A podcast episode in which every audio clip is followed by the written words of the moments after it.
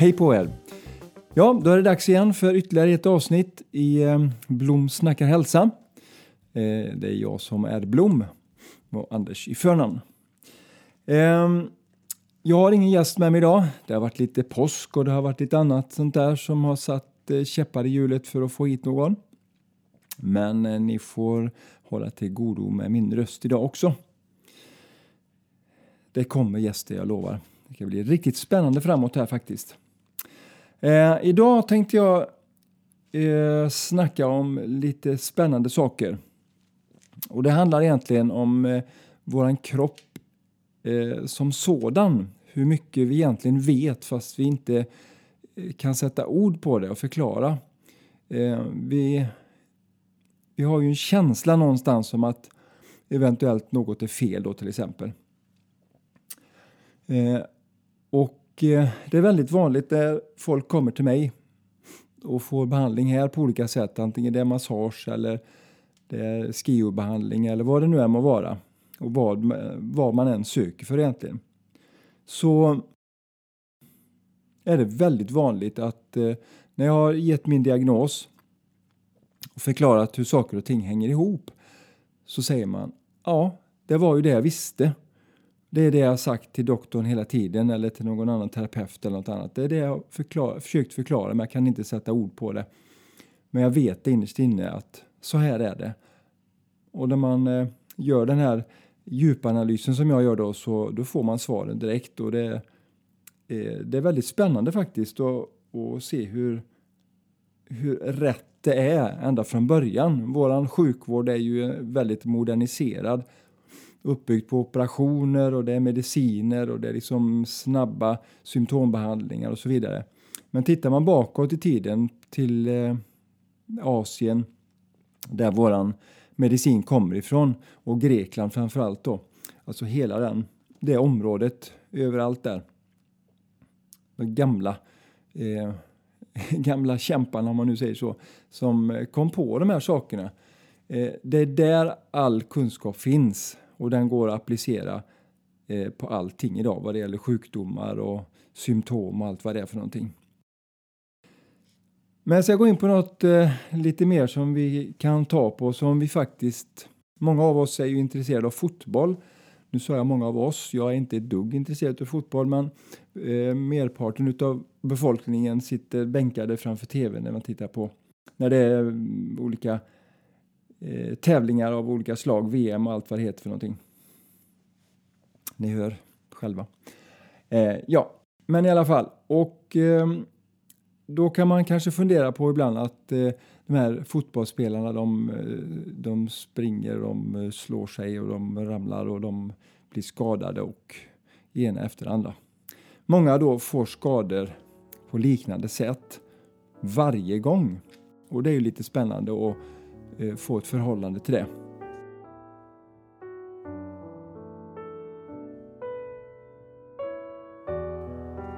Ja, man kan ju tycka då att en elitidrottsman eller en elitidrottskvinna ska vara vältränade och starka och som stålmän i princip och aldrig skada sig och så vidare. Men allt som oftast så hör vi att eh, eh, en spelare har råkat illa ut ja, nu är han borta igen för hela säsongen eller han kan inte vara med på matcher eller hon har den och den sträckningen eller vad det än må vara. Allt det här har ju en förklaring. Eh, många av de här spelarna de kör ju egentligen slut på sig fullständigt.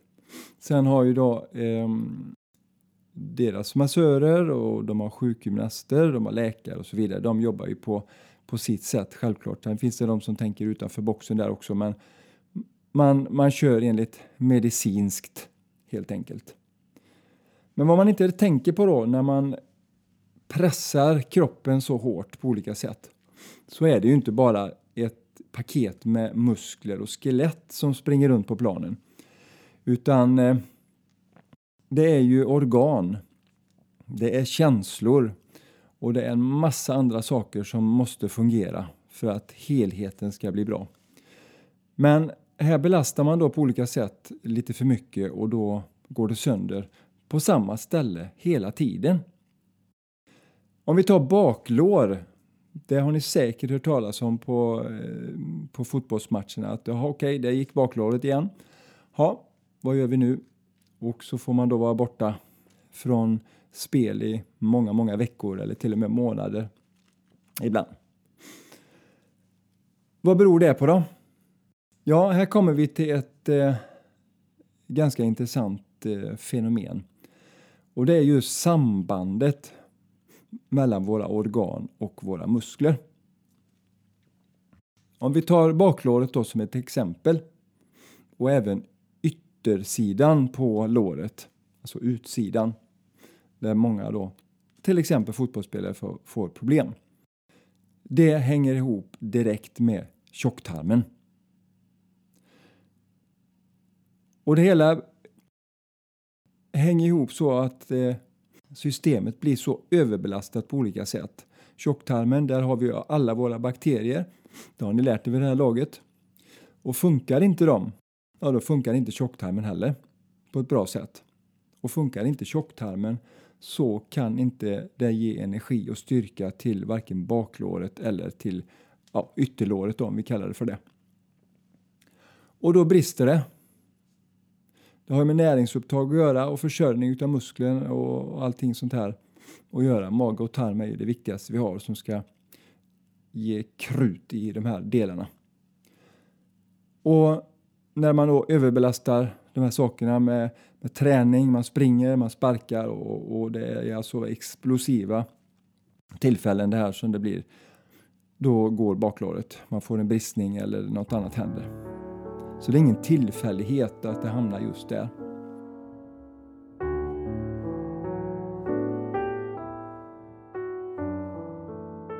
Ja, vi håller oss kvar lite grann vid de här fotbollsspelarna. Vem har inte hört att han har ljumskskador? Den här spelaren. Han är borta nu i x antal veckor och så vidare. Ljumskar, ljumskar, ljumskar. Det händer också hos tjejer naturligtvis. Det är väldigt vanligt att man sparkar sönder ljumsken som man säger då, att det brister i de här stora musklerna där omkring. Och vad är förhållandet där, eller sambandet där? Jo, det är njurarna i detta fallet. Så att där behöver man då stärka upp njurarna, göra dem starka så att de ger energi till musklerna och då håller man. Och det har med mineraler att göra i största, till största delen. Det är ju samma då med det vi börjar med. Med eh, ytterlåret och baklåret. Då får man alltså behandla tjocktarmen. Det är inte konstigare än så faktiskt. Tittar man på saker och ting som har med hjärta att göra Eh, många går ju och är bekymrade och så vidare och de får mycket problem i bröstryggen. Ofta fastnar det där. Och där har vi vår berömda ryggsäck där vi lägger alla våra känslor och alltså bedrövelser och så vidare. Just i den bemärkelsen då att man, är, man blir tung i ryggen på något sätt. Då. Och det påverkar då bröstryggen. Och där sitter också en massa akupunkturpunkter på vägen där som har direkt med hjärtat att göra. Så att bröstryggen där eh, och romberna det är alltså muskler som sitter i mitten av ryggen också men som går ut till skulderbladen som fäster där. Så att de är viktiga att eh, de också är i ordning. Och massage gör musklerna mjuka och sköna och påverkar således då hjärtat positivt i den bemärkelsen. Och det gäller ju samma sak när man masserar lår och baksida lår och, och de här sakerna också så påverkar det också naturligtvis organet på andra hållet. Så att båda, i båda riktningarna gör det god nytta när man jobbar positivt. Då. Man tillför mineraler till eh, organet och då ger det signaler om att nu ska muskeln fungera bättre. Och det här funkar alltid. Sen kan det vara långvariga problem och då får man jobba lite hårdare som sagt var. Så att, men kombinerar man massage och mineralbalansen och allt det här och behandlar eh, ur detta synsättet så funkar det faktiskt och då håller spelarna också. Men där eh, gör de många gånger så att de kör slut på spelarna. De får skada sig några gånger och det får brista i muskulaturen och så vidare. Och sista utvägen är operation oftast. Och då blir man borta väldigt länge. Och sen ska man tillbaka igen och träna upp sig. Eh, kan gå ett år. Eh, och då har du fortfarande inte fixat till exempel tjocktarmen eller stärkt upp njurarna eller så vidare utan du jobbar på samma sätt. Och så kommer de tillbaka och sen så sparkar de sönder sig på första matchen igen. Så det sambandet måste finnas. Eh, jag tycker det är eh, konstigt eh, att det inte att vi inte det är återigen det här samarbetet att man kunde få in eh, någon som jag till exempel i sådana sammanhang och bara liksom utbilda lite grann och så får de prova detta. Och jag skulle säga att det kommer att förändra hela den delen vad det gäller skador och så vidare. Men eh, det är ingen som vill lyssna tyvärr. Men de får väl fortsätta i alla fall. Men det här är riktigt intressant tycker jag. Så att det finns, eh, det finns mycket att hämta även för oss vanliga dödliga när man går hemma och man känner att man är spänd i muskel eller man sträcker sig på träningen, alltså gymmet eller vad man nu gör eller man hoppar och studsar eller vad, ja, spelar ingen roll vad man gör. Det är ständigt samma återkommande skada hela tiden. Då kan man alltså gå in och titta hur mår kroppen egentligen? Stärka den biten och sen så slipper du de här skadorna.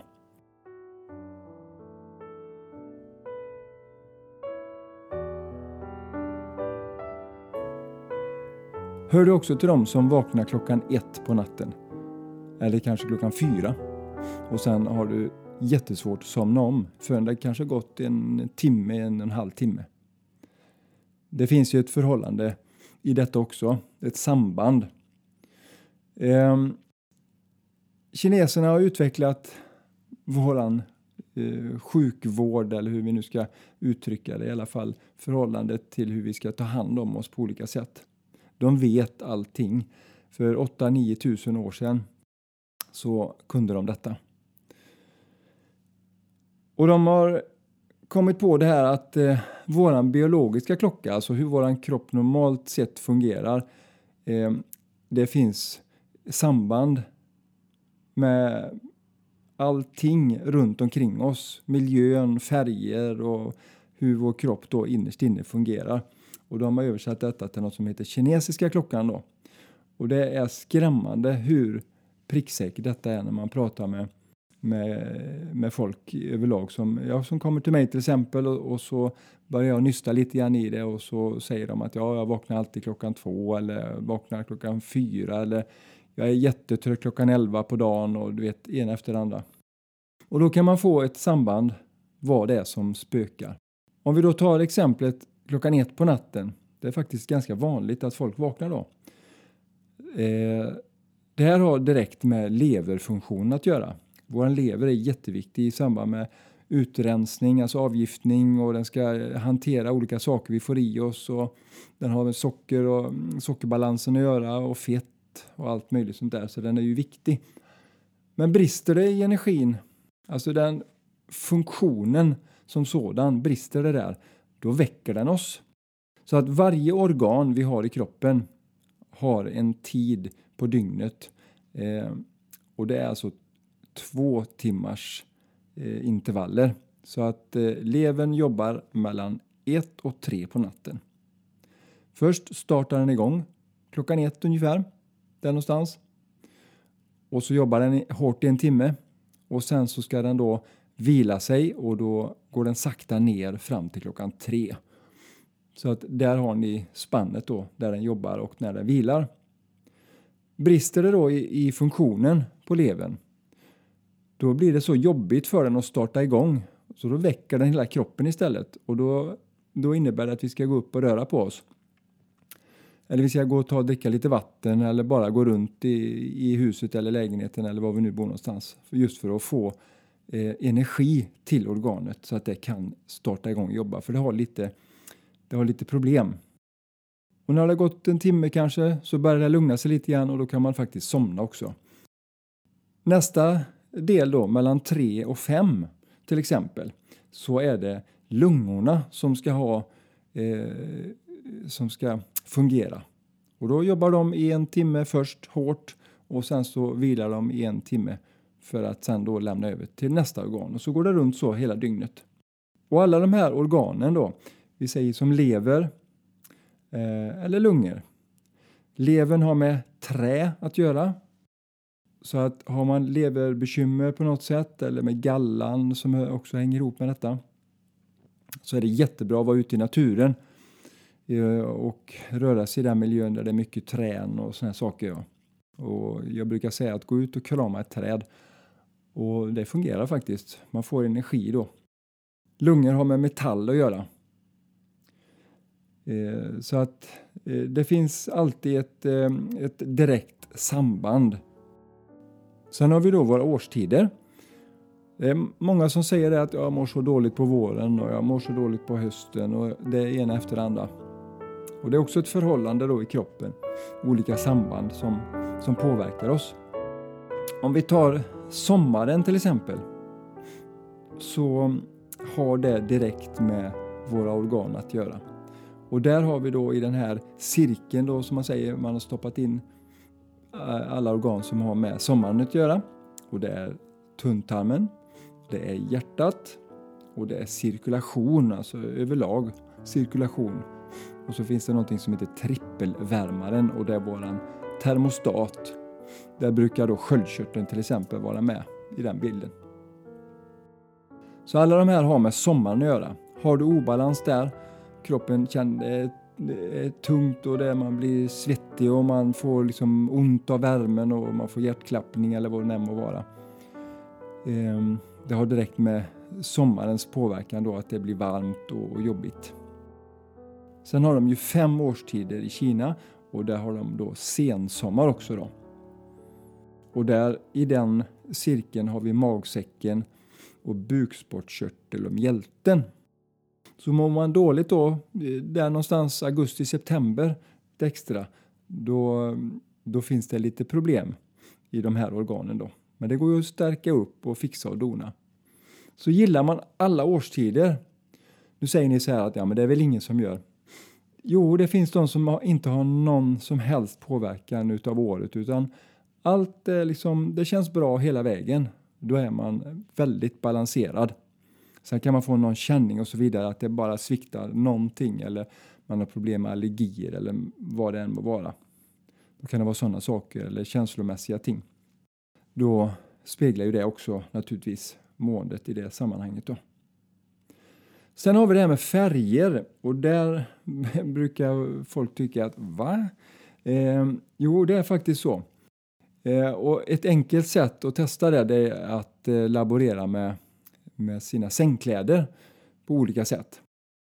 Och om vi tar någon som har lite hjärtbekymmer till exempel, de blir väldigt varma i sängen eller oroliga och de har kanske hjärtklappning eller något annat bekymmer.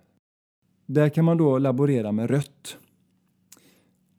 Ibland behöver man rött för att stärka upp de här organen, alltså cirkulation och hjärta och de här sakerna som har med det att göra. Men en del mår jättedåligt när de får röda kläder på sig till exempel eller något annat som har med rött att göra. Ehm, då mår de jättedåligt för det påverkar dem så negativt. Så att då måste man se lite grann hur balansen är. Behöver du rött eller behöver du inte rött? Och då får man laborera lite grann. Och det kan man också göra med sängkläder till exempel och det är väldigt snabbt. Trots att, då att man inte ens ser färgen när det är natt. När det är mörkt så ser du ju inte vad det är för färg på lakanet eller på kudden eller vad det nu må vara. Men kroppen känner det. Att här har vi blåa lakan till exempel och då blir man ofta väldigt snabbt kissnödig. Man får gå upp och kissa, man blir orolig i blåsan. Man blir lite eh, kall, eh, man blir lite eh, ängslig, rädd och så vidare. För det har med njurar att göra och urinblåsan då. Och njurarna lagrar känslor som, eh, som rädsla och såna här saker, stress.